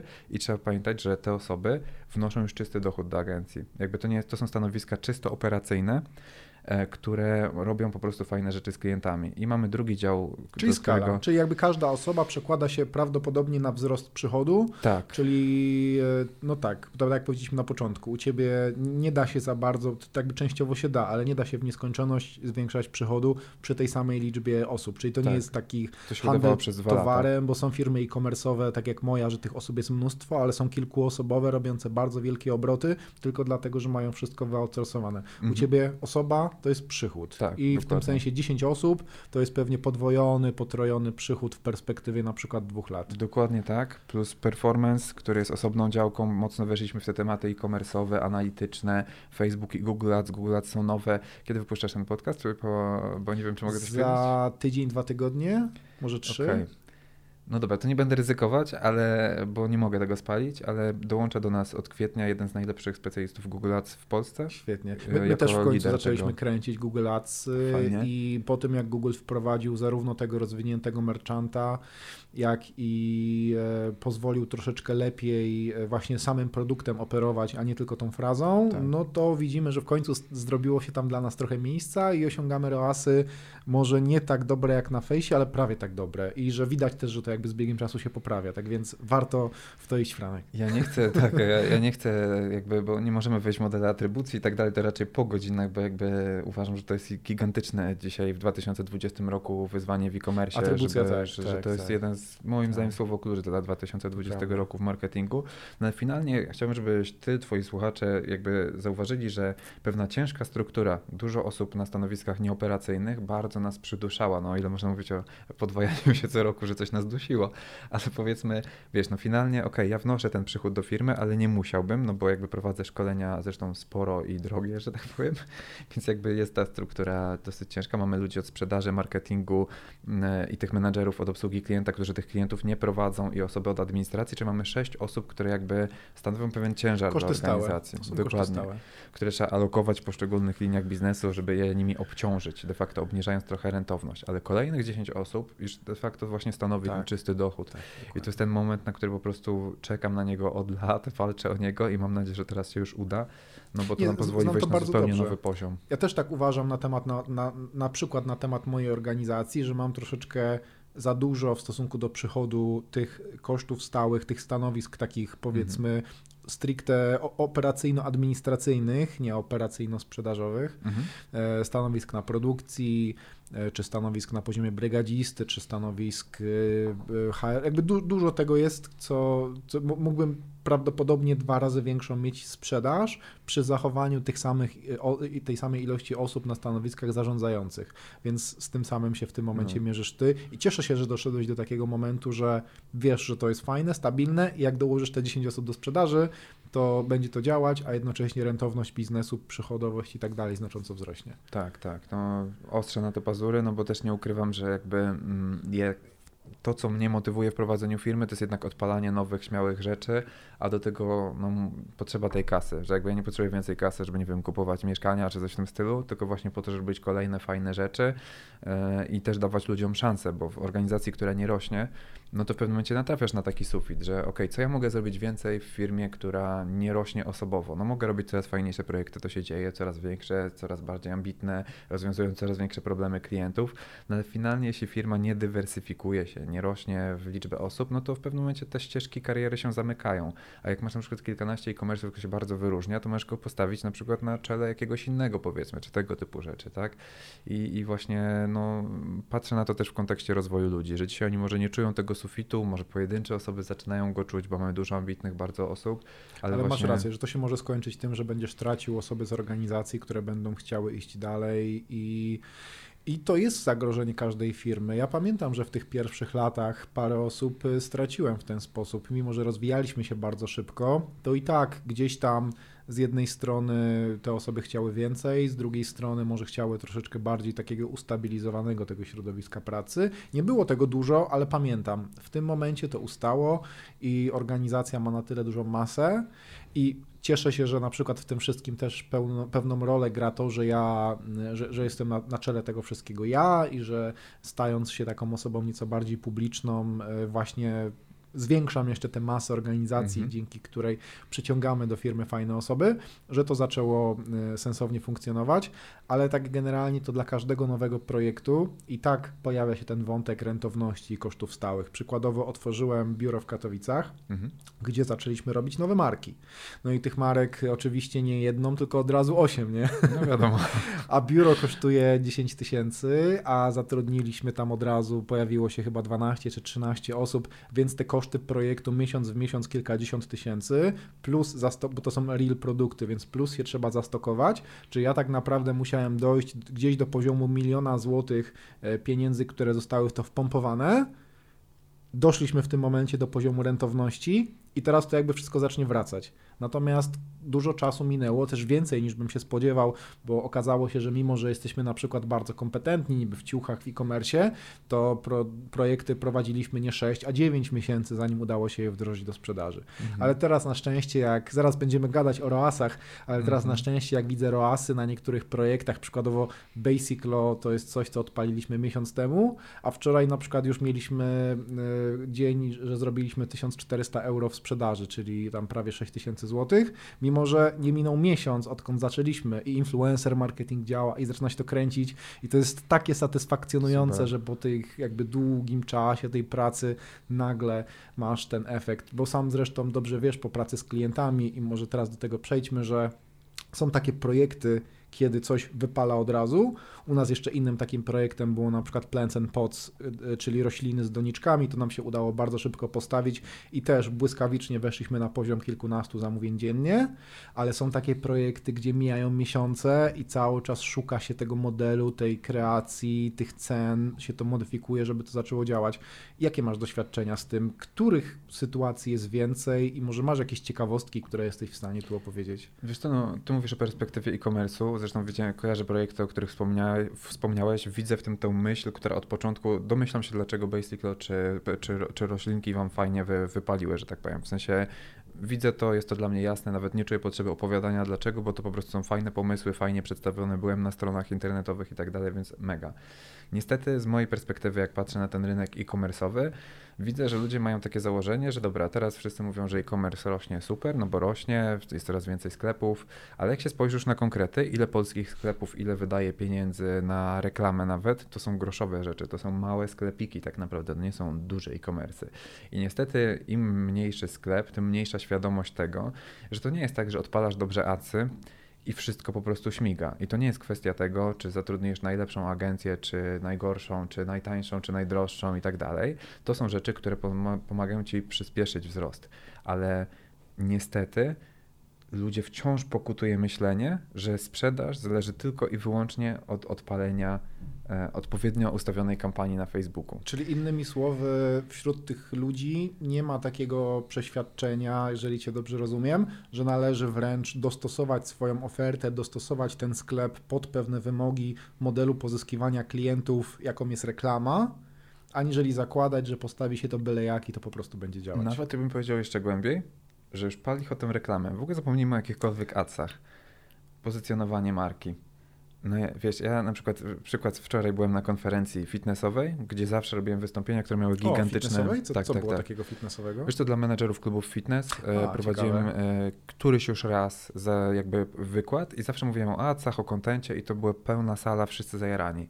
Wczoraj powiedziałem pierwszy raz o strategii marketingowej, podejmując pewne ryzyko, bo wiedząc, że te kluby fitness, te sieci klubów fitness mają z tym gigantyczny problem, że widzę, wszystkie są takie same, niczym się nie wyróżniają, tylko kolory się Zgadzam zmieniają. Zgadzam się tak. z tobą, prawdopodobnie jakby nie kojarzę nie kojarzę niczego takiego. My, my, my, my, nawet teraz trochę pomagamy, bo z CityFitem robimy serię treningów no. w Karpatrii i my stajemy się troszeczkę dla CityFitu takim y, właśnie social mediowym y, wspomagaczem. No właśnie, kluby się różnią tym, że kojarzysz, że Zdrowfit jest niebieski, mm, CityFit w sumie też, też jest niebieski, jest niebieski. i tyle, nie? W sensie jakby ciężko wskazać te wyróżniki poza jakimiś klubami ultra premium, które rzeczywiście się wyróżniają, no ale to jest po prostu taki segment e, zupełnie inny. No i teraz właśnie Problem polega na tym, że jak zacząłem mówić o strategii marketingowej, to ci sami ludzie, którzy wiedzą, że zawsze dowożę zarąbisty content, te, te, wystąpienia są naprawdę mięsiste i tak dalej, mimo tego, że to było mięsiste o strategii, połowa ludzi po prostu wyszła na inny wykład, bo nikt nie chce słuchać o strategii, nikt nie chce słuchać o podstawach, o pozycjonowaniu marki, o słuchaniu klientów. Bo oni myślą o czymś rzeczach. innym. Oni myślą w tym momencie o tym, jako że jest bardzo duża konkurencja na rynku,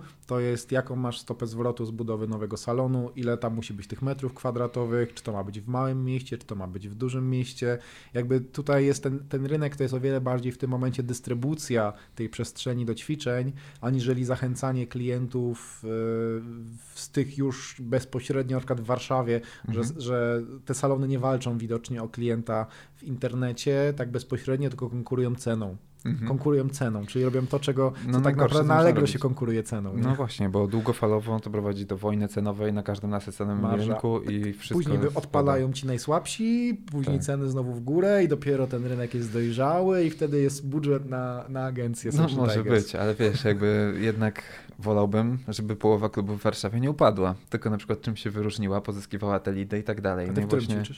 Wiesz co, ja mam multisporta, więc tam, gdzie jest tak. 24 na 7, to o pierwszej w nocy idę, wiesz, to też się stało, to też się stało chyba standardem 24-7. Dla mnie to jest to, kluczowy czynnik, nie? To jeszcze 10 lat temu to było jedna taka siłownia per miasto i to było dla jakichś dziwaków, kto by chodził na siłownię gdzieś tam o tak. 23, nie? A teraz wszyscy. No ta elastyczność jest super, plus mniej ludzi w ogóle. No ale właśnie widzisz, i my nawet mimo tego, że akurat pracujemy z klubami fitness i dla jednego z nich na przykład wygenerowaliśmy ostatnio 7 tysięcy lidów, niby super, ale ja wciąż mam gigantyczną brak satysfakcji, że na poziomie pozycjonowania marki ten klub niczym się nie odróżnia i te lidy mogą być trzy razy tańsze, ale nikt tego nie kuma, choćbyś nie wiem ile gadał tu ludziom do głowy, ludzie nie doceniają strategii marketingowej, rozumianej bardzo szeroko, ale ja bym odpowiedział na, jest ta książka Good Strategy, Bad Strategy, bardzo fajna książka, która jasno mówi, że strategia to jest odpowiedź na pytanie jak, jak my będziemy pozyskiwać, rosnąć w ogóle jako biznes? I niestety tej odpowiedzi ludzie nie są w stanie znaleźć, nie są w stanie wyłonić segmentów klientów, nie rozumieją tych klientów w ogóle. Myślą, że klient chce słuchać historii ich marki.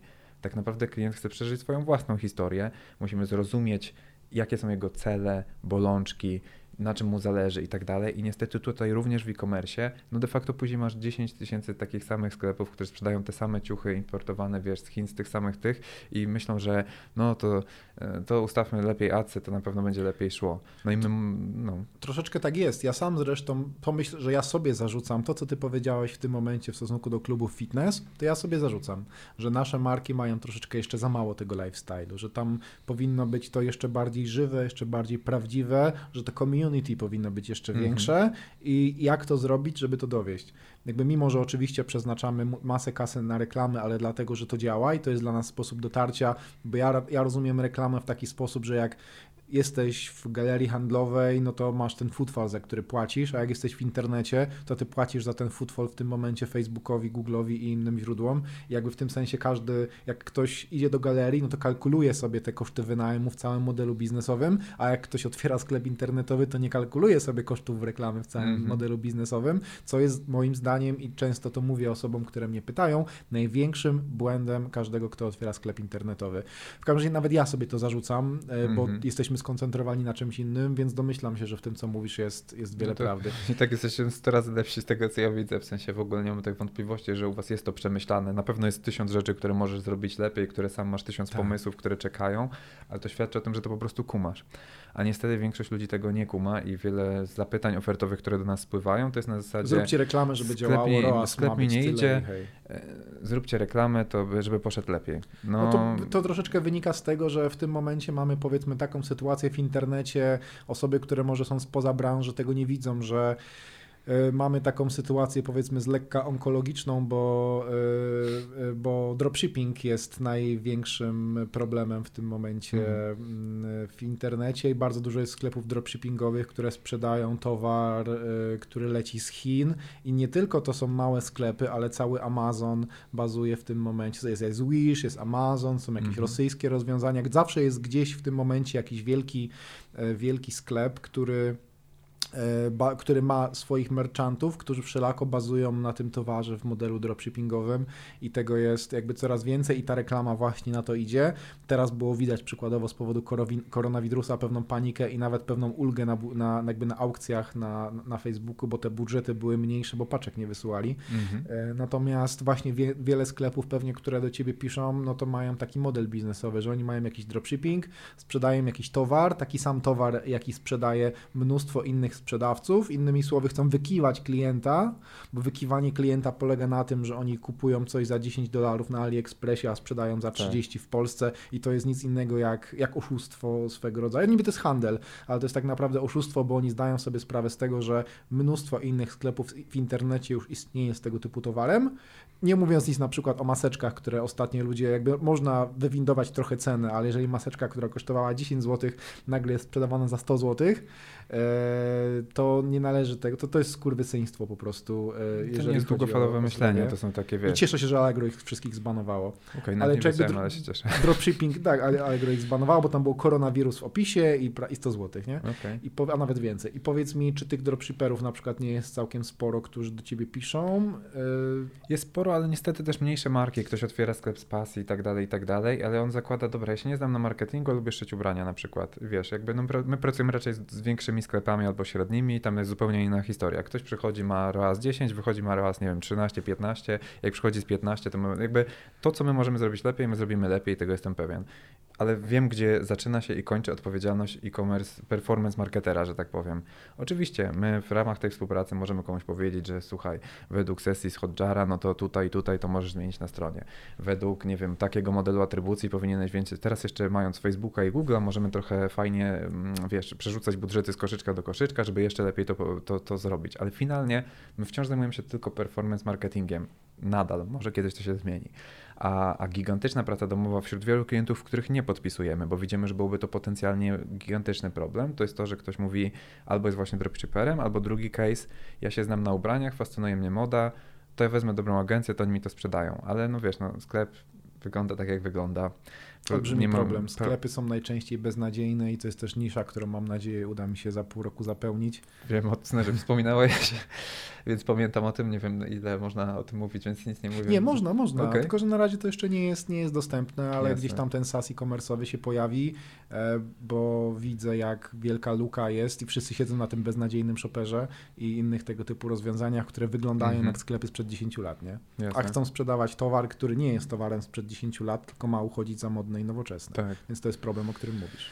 No i właśnie wiesz, no, no finalnie sumując te wszystkie rzeczy, patrzysz na zdjęcia produktowe, na wszystko, no i wiesz, to nie jest tak, że zrobisz sobie słabe zdjęcia swoich super ciuchów, wrzucisz na słaby sklep i ktoś ci ustawi Tak. reklamę i to będzie działać. Tak, Musimy możesz mieć super towar, ale on nie ma dobrych zdjęć, nie ma dobrych opisów, mogą, mi, może, mogą mieć trochę złe, złe ceny, nie ma żadnych, e, jakby całe menu, cała, cało, ca, całe to skakanie po tym sklepie, łażenie, to jakby shopping Problemy z experience logistyką. jest fatalny. Problemy z logistyką, jest bardzo dużo problemów, które ty, to nie są twoje problemy, ale ty tak de facto powinieneś wziąć, jeżeli chciałbyś, żeby twoje reklamy były skuteczne, to rozwiązywać ze swoimi klientami wszystkie problemy, które nie powinny być twoje, bo ty jesteś od reklamy. Tak, ja to chętnie bym zrobił, tylko no jakby przeliczyć ile roboczo godzin by to go Mhm. e, kosztowało, to jest po prostu nierealne w ramach wynagrodzeń, które my pobieramy, bo na przykład w moim modelu biznesowym ja biorę, nie wiem, Alberta, Paulinę, e, Ole, która do nas dołączyła, czy wkrótce osobę od Google, która jest topowym marketerem od Google'a, no ja finalnie w ramach tego fee udostępniam komuś najlepsze możliwe osoby od reklamy na Facebooku i, na,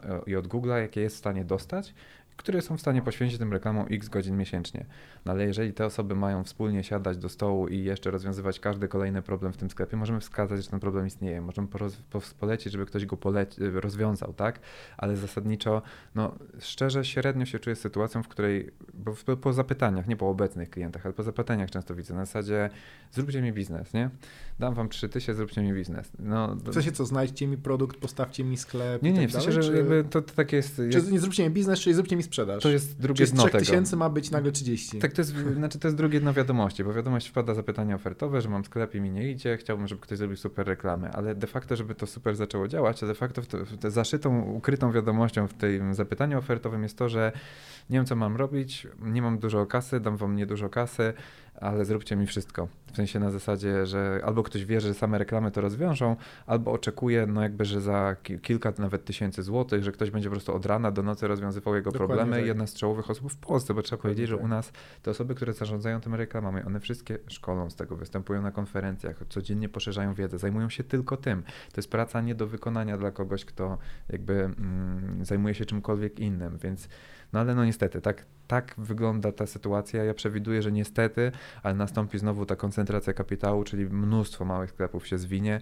i raczej te większe, bardziej dojrzałe będą w stanie A ja bym chciał właśnie, żeby było zupełnie inaczej. I ta sytuacja, o której mówisz, czyli ta, gdzie powiedzmy wchodzi Amazon i na przykład ten Amazon przejmuje większość tego, tego rynku, to jest dla mnie sytuacja bardzo niepożądana. W ogóle w wielu segmentach y, istnieje coś takiego, bo na przykład w rynku odzieżowym, takiej odzieży customizowanej, masz rozwiązania typu Society, Six, Redbubble, gdzie oni mają bardzo wiele, to są marketplace'y, gdzie mają bardzo wiele merchantów, tymi merchantami są artyści, e, ale oni dostają jakby bardzo mały procent tego wszystkiego, no bo oczywiście Redbubble czy Society Six robi całą logistykę. Mhm. Ale moim zdaniem to wszystko da się rozwiązać inaczej. I właśnie tutaj odpowiedzią na tę na tę potrzebę rynkową jest z jednej strony to, że ja zdecydowałem się zacząć mówić o e-commerce, bo to też w jakiś sposób, mam nadzieję, wielu osobom pomoże.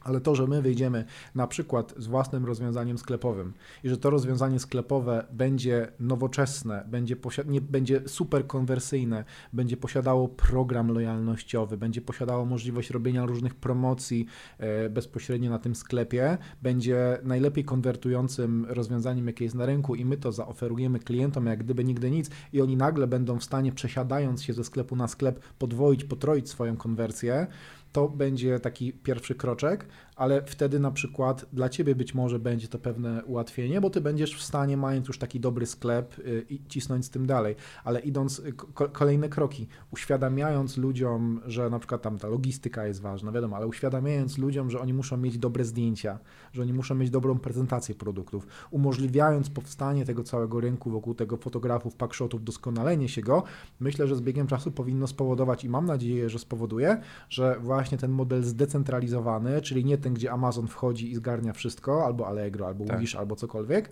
tylko że jednak ludzie mają te swoje sklepy i mogą mieć również sklep na Amazonie, ale to nie jest tak, że to jest albo albo i mają ten swój niezależny kanał, a nie, że oni tam nie śpią po nocach, czy im Amazon nie zablokuje czasem czegoś, bo, bo, bo różnie to bywa i naprawdę ostatnią rzeczą, którą, której powinni ludzie chcieć, to być po prostu na łasce i niełasce amerykańskiego monopolisty, czy jakiegokolwiek monopolisty, bo, bo ja mam bardzo złe doświadczenia z tym, jak działa PayPal, Facebook, czy też Amazon, czy też prawdopodobnie z Googlem też tak jest, ale mam jeszcze zbyt mało przypadku. doświadczeń. Oni nie są responsywni. Oni mają swoje procedury, ale oni ci nie pomogą tutaj gdzieś tam w Polsce. Nie ma szans. Tak. Więc ja w każdym razie mam nadzieję, że uda mi się stworzyć to środowisko e-commerce'owe, że do tego dojdą jakieś rozwiązania dotyczące reklam, pełne, pewne automatyzacje, pewne ułatwienia, dużo tutoriali e, że, i, i, że ten rynek e-commerce'owy wybuchnie. Szczególnie u nas w Polsce, gdzie my wcale nie musimy jak jakiś Anglik dropshipować z AliExpressu, bo my tu mamy zakłady meblarskie, obuwnicze, odzieżowe, fabryki. Polsce można wyprodukować 95% towaru, których mógłbyś sprzedawać w internecie. I tak będzie jeszcze przez kolejne 10-20 lat. Więc z tej okazji trzeba korzystać. Trzeba nie być tą montownią europejską, jak to się mówi o Polsce często, tylko trzeba tworzyć te polskie marki tutaj i właśnie bazując na tym i na e-commerce y, robić tę przewagę już w skali globalnej. I fajnie, że mówisz o, o tutorialach, bo właśnie ja myślę o tym, ok, ta osoba, która otwiera swój e-commerce, bo lubi ubrania na przykład i robi je dobrze, e, ona może na przykład e, wykorzystać swoje talenty do tego, żeby zrobić nawet dobre zdjęcia produktowe. Zakładam, że ktoś umie fajnie, ma zmysł estetyczny, żeby stworzyć fajne ubrania, to zrobienie dla niego dobrych niekoniecznie, zdjęć. Niestety, niekoniecznie. Okej, okay, niekoniecznie, dobra, ja będę optymistą. E-commerce ma swoje zasady, przykładowo, no. że jest zdjęcie, które wygląda, ale jest zdjęcie, które sprzedaje. Okay. To są dwie różne rzeczy. No Czasem właśnie dlatego mówię, że tutoriale są spoko, bo, no. bo moim zdaniem potrzebna jest taka edukacja, bo dzięki temu później dokładając ten klocek w postaci adsów, to może fajnie zadziałać. I teraz wtedy, jak ktoś dobrze ustawi te adsy, to będzie przynosić jeszcze większy, fajniejszy dokładnie, zwrot. Dokładnie. Więc ta edukacja jest bardzo potrzebna. My też dlatego na swoich kanałach bardzo mocno edukujemy. Ty też to robisz, no i mam nadzieję, że ludzie gdzieś tam będą wyciągać wnioski, bo potencjał rynku jest ogromny. W sensie, co by nie mówić, jest trochę ta pułapka, że jest tutaj 30 parę milionów i ciężko się jest, wygodnie jest jakby bo można sporą skalę osiągnąć, ale przejście na skalę globalną czy, czy nawet międzynarodową jest bardzo już, już trudniejsze, tak? W sensie to jest duży przeskok dla wie, wielu firm. No powiedzmy już nawet, bo przecież jak ktoś rozpoczyna e-commerce, to od razu nie myśli o tym, żeby na całym świecie działać i być wielką, wielką marką często.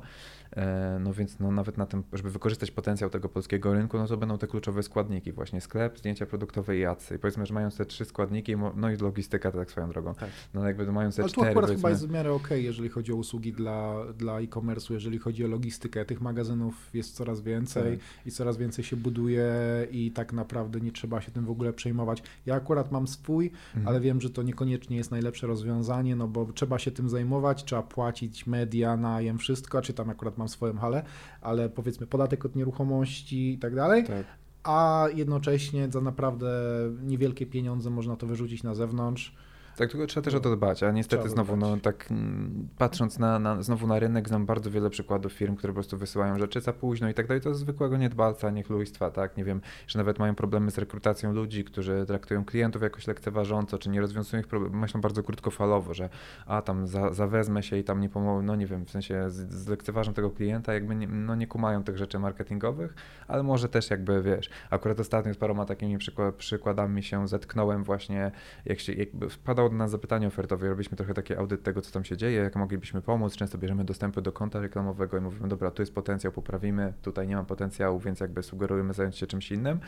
No ale mm, patrząc po prostu na, na, te sklepy, widziałem, że takie, takie ślady tego, że właśnie bardzo niezadowolonych klientów, klientów niezadowolonych z jakości, z tego, z tamtego, e, więc stąd może takie delikatnie pesymistyczne spojrzenie, ale podzielam Twój entuzjazm co do tego, że w Polsce jest wiele szans i, i jest szansa na stworzenie kolejnych silnych polskich marek. Ja myślę, że tu, tutaj są tylko dwie rzeczy, które chciałbym dodać i może byśmy mm -hmm. jeszcze pogadali trochę o samych acach na dobra, Facebooku, dobra. bo myślę, że wiele osób jest ciekaw tego, tego tematu, jak tam e, trendy, mm -hmm. jak wyglądają perspektywy perspektywy.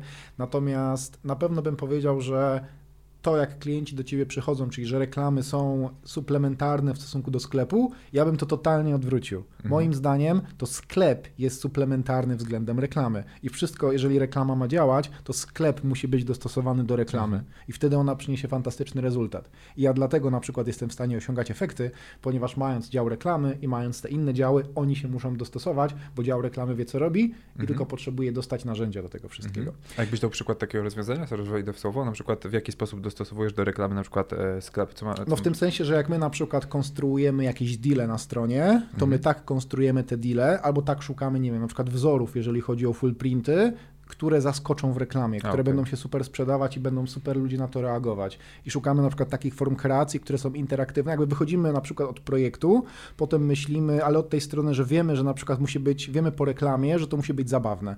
Więc my wychodzimy od tego, że to musi być zabawne, dopiero to trafia do działu projektowego, oni coś przygotowują i mamy feedback zwrotny. I to jest taki model, który się kręci. Widziałem was w bibliotece no. reklam na Facebooku i macie rzeczywiście fajne kreacje, podoba mi się to. Dużo no. różnych, no bo cały czas coś testujemy. Tutaj mhm. jest tak, to też jest śmieszne, że na przykład wcale nie jest tak, że właśnie kreacja musi być piękna, ona musi działać. Mhm. Ona musi działać. Po Samo zdję, zdjęcia muszą dobra. Coś w trakcie, ale po no. prostu to było, kiedyś słyszałem, to taki skrajny przykład, bo jednak większość klientów chce, żeby te rzeczy wyglądały ładnie, ale są też tacy, którzy mówią, ma sprzedawać i nawet może być najbrzydsze na świecie. I słyszałem kiedyś rozmowę Alberta z naszym grafikiem, Alberta od z grafikiem Pawłem i on mówi, Paweł, jebnij to większe, tak? W sensie na zasadzie brzydsze, nie, rozpiks rozpikseluj to, na zasadzie rozpikseluj to i brzydsze, nie, to musi być jeszcze brzydsze. Ja mówię, co oni robią, nie? I wchodzę taki trochę wręcz poirytowany, że co tu się dzieje w tej firmie, nie?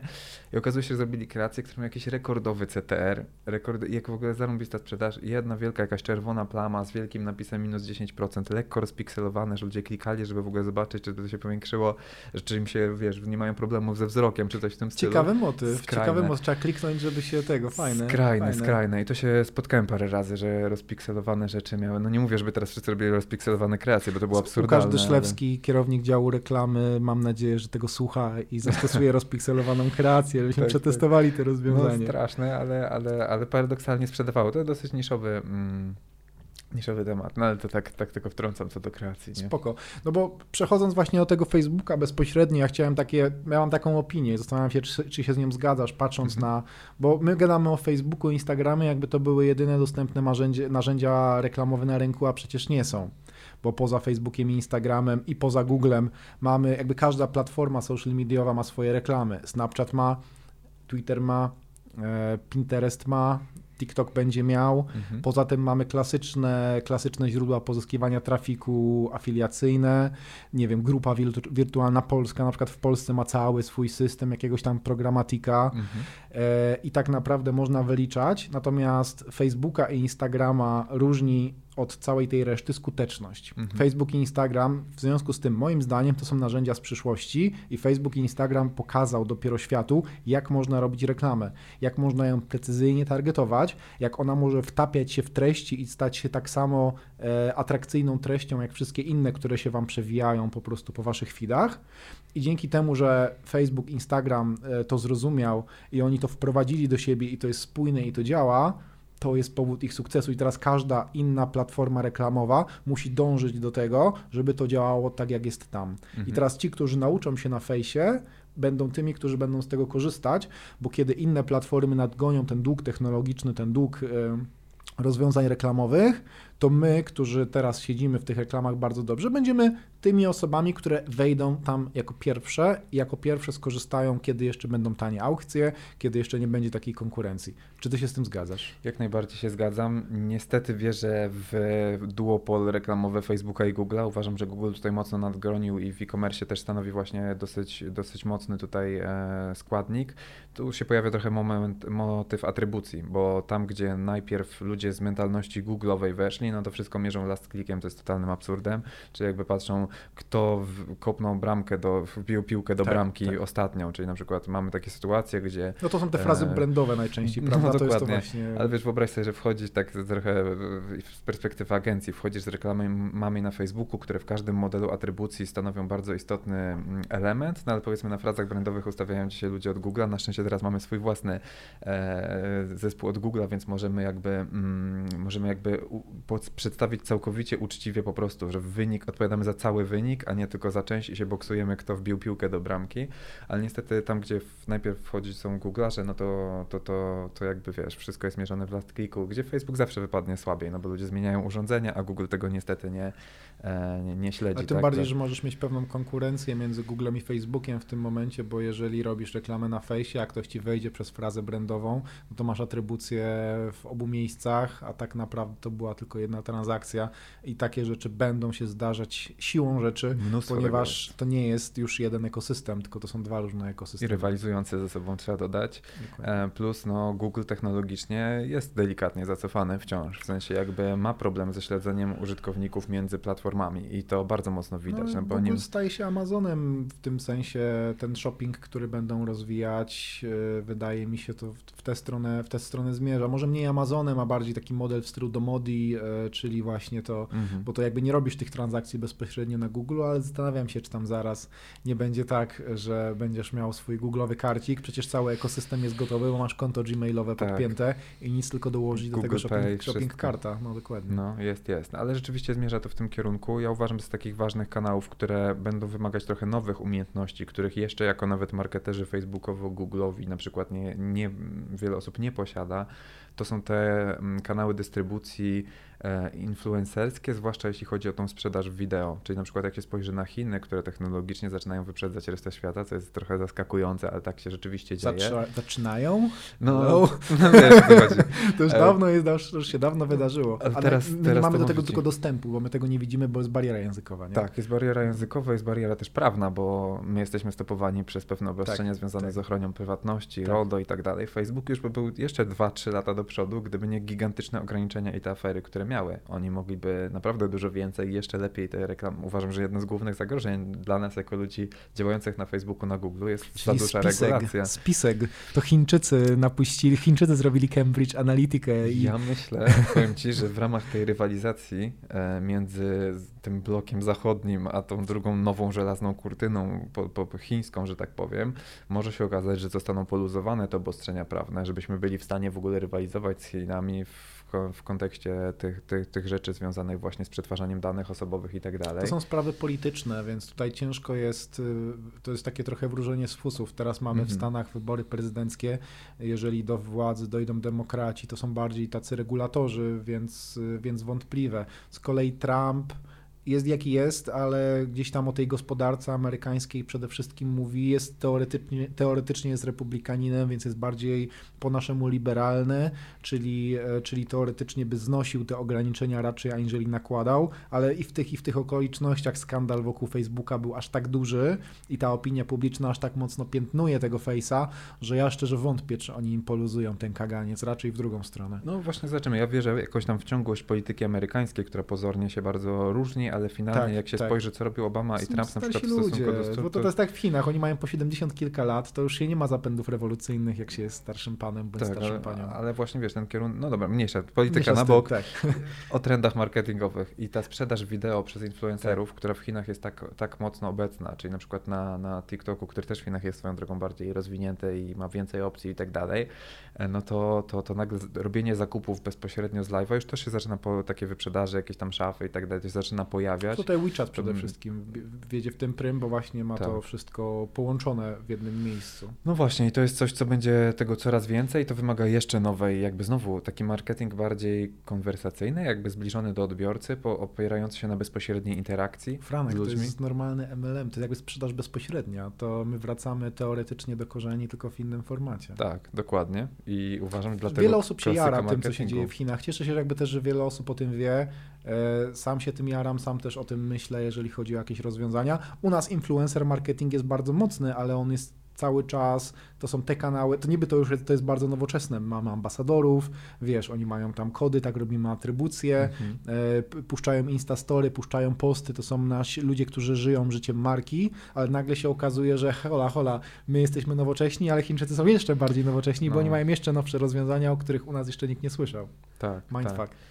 No i to, to, to się zbliża. No, reklamy, wiesz, jakby z jednej strony też reklamy się bardzo upraszczają, czyli jakby coraz prostsze kampanie przynoszą rezultaty, coraz mniej, swoją drogą wiele szczegółowych opcji jest wygaszanych, coraz więcej przeznacza się algorytmom, że w no, sumie... No CBO mieli puścić dla, całych, dla całości kampanii już tak. końcem lutego, ale jeszcze nie puścili, więc chyba coś im nie wyszło. To cały czas coś nie wychodzi, tak, jakby ten, ale jakby upraszcza się to. Z drugiej strony coraz więcej rzeczy wymaga twardych umiejętności programistycznych.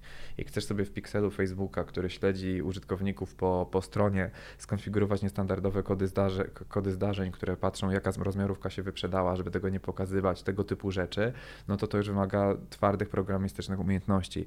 I mamy taki trochę dysonans, że te, te, te jakby jakby z jednej strony rzeczy są coraz prostsze, z drugiej jest coraz więcej takich mocno wyspecjalizowanych rzeczy, które technologicznie idą do przodu i ludzie, no zaczyna się pojawiać to, że właśnie ci duzi będą mieli mniejszy problem z nadgonieniem długu technologicznego.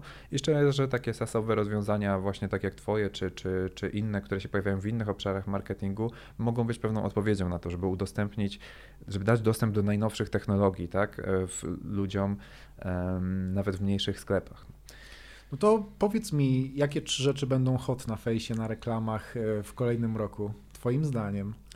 Hot na fejsie w reklamach. Mm, ja myślę, że paradoksalnie szerokie targetowanie wciąż. Czyli, czyli jednak stawiamy na pixel, stawiamy na to, że on wie lepiej od nas, gdzie jest nasz klient. Niestety, bo chciałbym, żeby było inaczej, ale Też na przykład u nas e, coraz większy mm, procent kampanii z roku na rok zajmują te reklamy broad audience, które idą, idą naprawdę, naprawdę szeroko i to Facebook decyduje komu to po, podrzucić. Druga rzecz, która będzie bardzo hot i bardzo, może bardziej ważna, to jest atrybucja. Musimy zrozumieć, że te zakupy są wielokanałowe, że te ścieżki nie są linearne.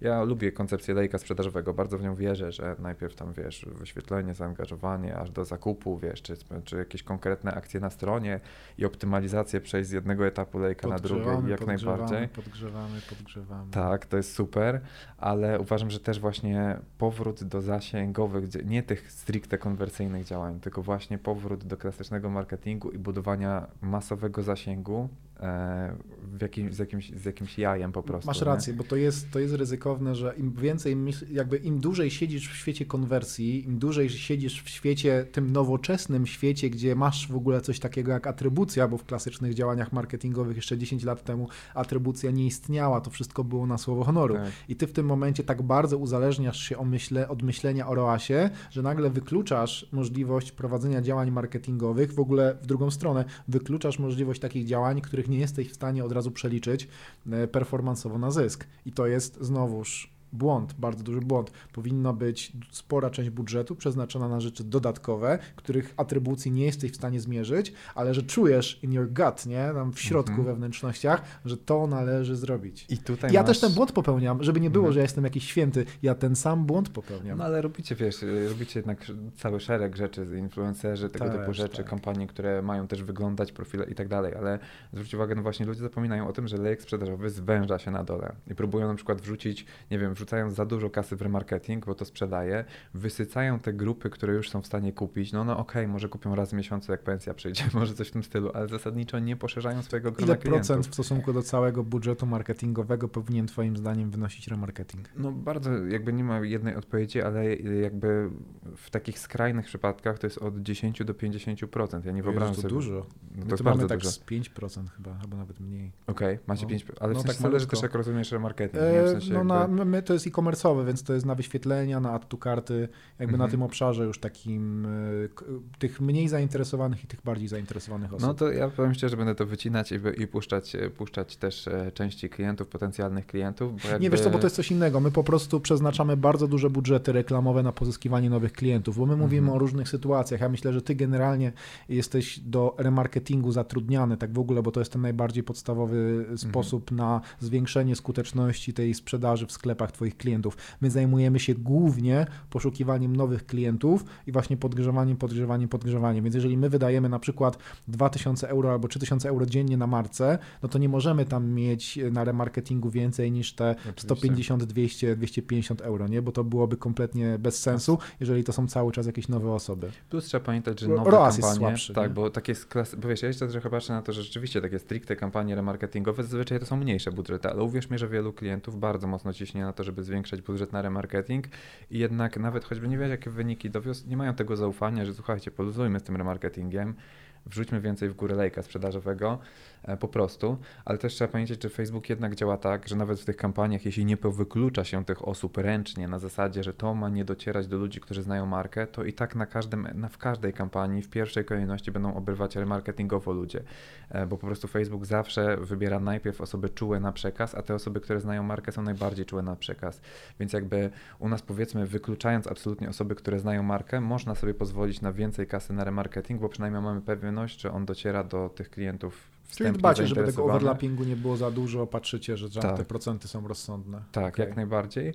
A, a, a Góra Lejka, na przykład nawet takie kampanie typowo na zimny ruch z wykluczeniem każdego, to kto cokolwiek słyszał, one wydają się być mniej efektywne, ale jak się je wyłącza... Nie są, bo one są po remarketing. no właśnie. Potem nie musisz wydawać tyle na, na remarketing. Wiesz, tobie nie muszę tego tłumaczyć. ale my, my, też mamy, tak. bo my dość agresywnie gramy, więc jakby u nas, słuchaj, budżet czy ROAS na remarketingu to wynosi gdzieś od nawet, nawet 5-0 jest na niektórych markach. Mhm.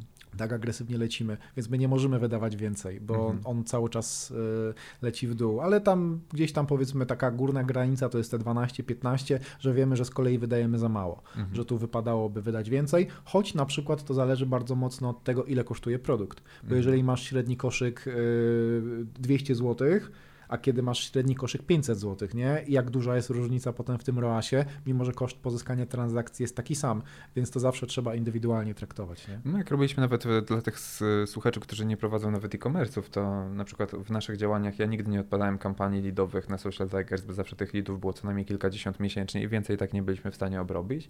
No teraz trochę zwiększyły się nasze możliwości jakby przerobowe, bo jakby jest trochę więcej osób na tych stanowiskach nieoperacyjnych. No to na przykład dosypaliśmy trochę kasy na lead generation. Jest ta sama sytuacja, no wiedząc jakie jest lifetime value klienta z naszej perspektywy, to to czy ja płacę za leada 20 zł czy 200 nie robi mi żadnej różnicy, tak, w sensie tak. totalnie żadnej. A swoją drogą płacimy mało, ale jakby jestem gotów, żeby one drożały, spadała nawet ich jakość potencjalnie i tak dalej, no bo została zbudowana gigantyczna góra lejka sprzedażowego przez lata, że tak powiem. I właśnie no ja bym zachęcał ludzi, żeby w 2020 roku nie bali się robić tych rzeczy wizerunkowych, zasięgowych, Czyli robić tego jak jest, najwięcej. Bo to jest ten drugi punkt, nie? A ten trzeci punkt, to co takiego by było? Co by to było? Trzeci trend. Ja bym albo poeksperymentował z nowymi mediami, czyli na przykład z TikTokiem. W sensie zawsze byłem taki sceptyczny. Do Snapchata podchodziłem jak pies do jeża i tak dalej. Dzisiaj troszeczkę zmieniłem perspektywy. Jeśli coś jest wschodzące, Snapchat rosnące... Snapchat nie sprzedaje, jest cmentarzyskiem. Don't do this. Nie, testujemy, ale no ja to nie jak... mówię o Snapchacie, w sensie mówię o Snapchacie, że byłem sceptyczny tak. i cieszę się, że byłem sceptyczny, okay, bo zgadzam okay. się z tą diagnozą, tak. ale jednak patrząc na ja TikToka czekam, aż TikTok fenomen... Uruchomi. Czy wy macie dostęp do reklam na TikToku? Ja się zgłosiłem, dostałem no, czekamy, już, czekamy, wszyscy czekają. Już, dostałem odpowiedź z chińskim tytułem tak. maila, że zostaliśmy przekazani do tak. jakiegoś, wiesz, polskiego tam No, to czegoś. już oni tak już ze, ze 4-5 miesięcy to tak przekazują, przekazują, ale jeszcze tego nie odpalili, wiem, że -hmm. rekrutują, mm -hmm. więc czekam na ten moment, kiedy będzie dostęp. Też czekam, odpalamy parę próbnych działań z klientami w, na TikToku i wierzę, że w tym jest bardzo duży potencjał, ale też ja bym chciał ludzi w ogóle zachęcać do właśnie budowania swoich jakby grup, czy takich miejsc, gdzie rzeczywiście powstają te społeczności. Community, to jest bardzo tak, ważne, nie? Bo ludzie, Community, ja bym tak Facebook tak. nas mega zamyka w takich bańkach. To nie? Facebook dowartościował community, bo postawił bardzo mocno na grupy w pewnym momencie i te grupy faktycznie żyją. To są takie mini fora dyskusyjne, tak. trochę powrót do przeszłości, ale, ale community dla każdej marki jest, jest mega ważne. Tak, i, i, i my na przykład na grupach widzimy bardzo duży wzrost tego, to, że ludzie są tam skłonni do dyskusji. Facebook bardzo ceni to komentarze, czyli właśnie posty, które, że te fanpage, Instagramy, które wyglądają jak słup ogłoszeniowy, to jest coś, co mnie strasznie razi, bo nie wykorzystuje potencjału tych mediów. Jeżeli jesteśmy w stanie ludzi wciągać w dyskusję, dawać im zabierać głos w sprawach marki. To twitteryzacja Facebooka byś powiedział, to jest to, co chciałbyś widzieć, tak? Znaczy Twitter zależy jak, bo teraz Twitter jest dosyć opłakanym też stanie jakby z mojej no perspektywy. Jeżeli, jeżeli chodzi o to powiedzmy, że tam jest dużo hejtu i zawsze jest jakiś backlash i, i tak dalej, ale generalnie Twitter jest najbardziej interaktywnym social medium. Mhm. So, no, medium, tak. No, medium po, e, po, po, po, po, bardziej nawet od Instagrama, więc więc myślę, że jest pewnym wzorem w tym wypadku tej interaktywności. I tutaj ja bym zadbał o to, że jak wszystkim engagement rate, jakby wskaźnik zaangażowania, czyli ile osób nam komentuje, reaguje na treści, dla wszystkich będzie spadać, to dla tych, którzy zadbają o górę lejka sprzedażowego, o konwersacyjność tego i o to, żeby jeszcze tworzyć wokół tego jakąś społeczność, oni będą naprawdę wygrywać. W sensie Facebook wyłamie ich, jakby Facebook ma gigantyczną tendencję do zamykania nas w bańce, czyli jakby jeżeli nie umiemy ręcznie sterować dobrze reklamami, bo niektórzy mówią, reklamy zrobią się same, guzik, prawda, nic się nie zrobi samo jeszcze, więc jakby... Mam nadzieję, że nigdy, bo inaczej cała twoja agencja straci pracę. Mm, absolutnie nie, absolutnie nie. nie. na bank jeszcze ja, dużo ja, nie, ja nie wierzę w tą pełną automatyzację.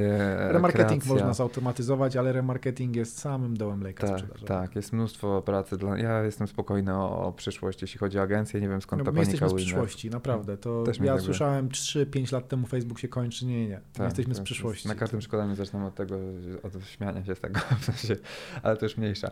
E, I, mm, I właśnie Facebook dąży do tego, żeby zamknąć nas w tej bańce. Jak nie, niedobrze zarządzamy tymi reklamami, to niestety one w kółko wracają do tych samych ludzi. Nawet jak puszczamy kampanię, którym się wydają, że targetujemy tam, nie wiem, ludzi zainteresowanych, nie wiem, kapeluszami, to finalnie i tak najpierw Facebook dotrze do tych, którzy nas znają, bo wie, że tam jest największa szansa o konwersję. I niestety, jeśli ludzie świadomie tym nie zarządzają, to, to trzeba będzie przebijać tę bańkę, która jest coraz ciaśniejsza, zasięgi organiczne, które się kurczą, reklamy, które docierają w kółko do tych samych osób. To jest gigantyczne wyzwanie. Ja dlatego liczę, że wszystkie inne platformy, kiedy będą dorastać e, do tego poziomu facebookowego, będą tymi prawdziwymi alternatywami, bo ja sam czuję ten problem, o którym ty mówisz, że, że niekiedy my trafiamy na ten szklany sufit, którego nie jesteśmy w stanie przebić w reklamie i troszeczkę się kręcimy w kółko, no i wtedy trzeba wychodzić na zewnątrz. Tych rozwiązań póki co nie jest tak wiele, ale, ale na pewno będzie coraz więcej i wtedy to też jest ten moment, że trzeba te budżety przesypywać na działania, gdzie nie mamy tej, tej pełnej atrybucji, nie mamy tego ROAS-u, ale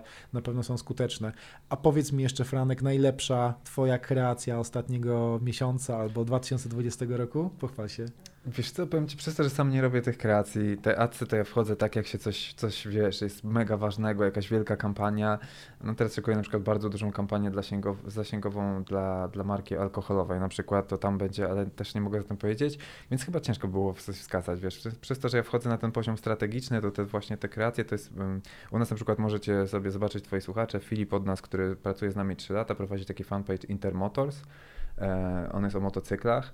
Jest to wcale nie są to działania na wielkim budżecie, wcale nie ten, a są mega kreatywne, gigantyczne zaangażowanie. Jest tam grupa, która naprawdę żyje, ludzie są mega wkręceni. Można zobaczyć, jak wygląda prowadzenie fanpage'a, który i w e-commerce konwertuje, mimo tego, że my tam akurat e-commerce'u nie robimy, bo tam w Intercars jest wewnętrzny dział e, e-commerce, bardzo duży, ale robimy te działania wizerunkowe, które też konwertują potem w e-commerce, wyglądają fajnie, nie kosztują dużo, wszystko ten, więc ja bym polecił zobaczyć sobie na przykład ten fanpage, który to nie jest jakiś najlepszy ze wszystkich, ale naprawdę bardzo mi się podoba to, co tam Filip robi. Ja z kolei, jak już Cię wypuszczam, to sam bym może też coś powiedział. Mhm. U nas fantastycznie ostatnio działa ten format nowy, który wprowadził Facebook, to są kolekcje to jest, to jest format mobilny wyłącznie, natomiast ROASy, które uzyskują te kreacje są o wiele wyższe aniżeli, kreacje, aniżeli inne kreacje, które wykorzystujemy. To jest nowość i wiadomo, jak każda nowość przez y, parę miesięcy będzie miała te premie, a później ta premia zniknie, natomiast na ten moment y, jest to super dla e-commerce'u, bo to jest taka typowo e-commerce'owa,